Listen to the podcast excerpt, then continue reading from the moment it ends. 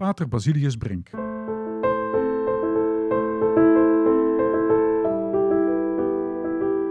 Uit de oorlogsverslagen van het klooster. 11 juni 1942 werd ons klooster om half zes opgeschrikt door voorbijgangers die vertelden dat er rook en vlammen uit het klooster sloegen. Intussen had pater Brink, gewaarschuwd door een brandlucht, de plaats van brand ontdekt, namelijk op het oude depositum, dat door de inkwartiering den Duitse soldaten met fratercellen zijn ingericht. Met assistentie van pater Pauwels slaagde pater Brink erin met aangedragen schuimblussers de gordijnen waarmee de cellen afgeschot waren en de vlammen gretig voedsel vonden, te doven. De jongen die ons het eerst gewaarschuwd had, kreeg een flinke beloning, als ook pater Brink. Aan zijn tegenwoordigheid van geest was het te danken dat ons klooster van een ramp als die van 3 juni 1933 gespaard bleef.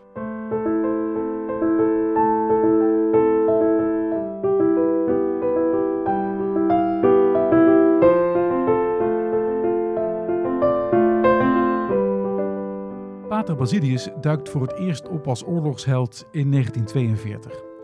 Hij weet het klooster te redden van een grote brand, zoals die in 1933 een gehele verdieping in vlammen deed opgaan.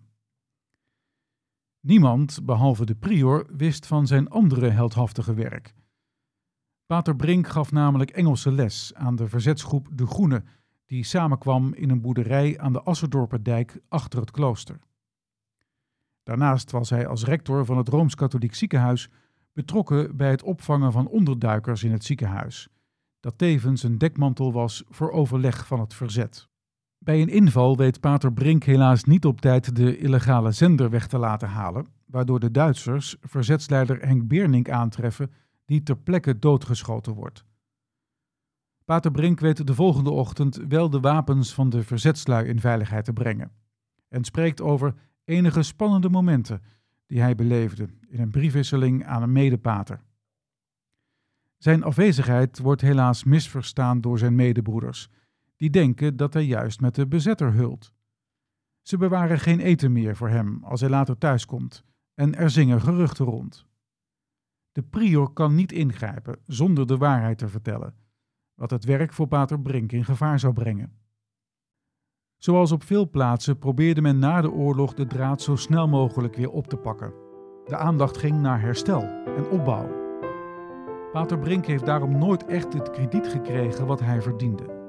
Misschien alsnog een beetje bij deze. Bedankt, Pater Brink.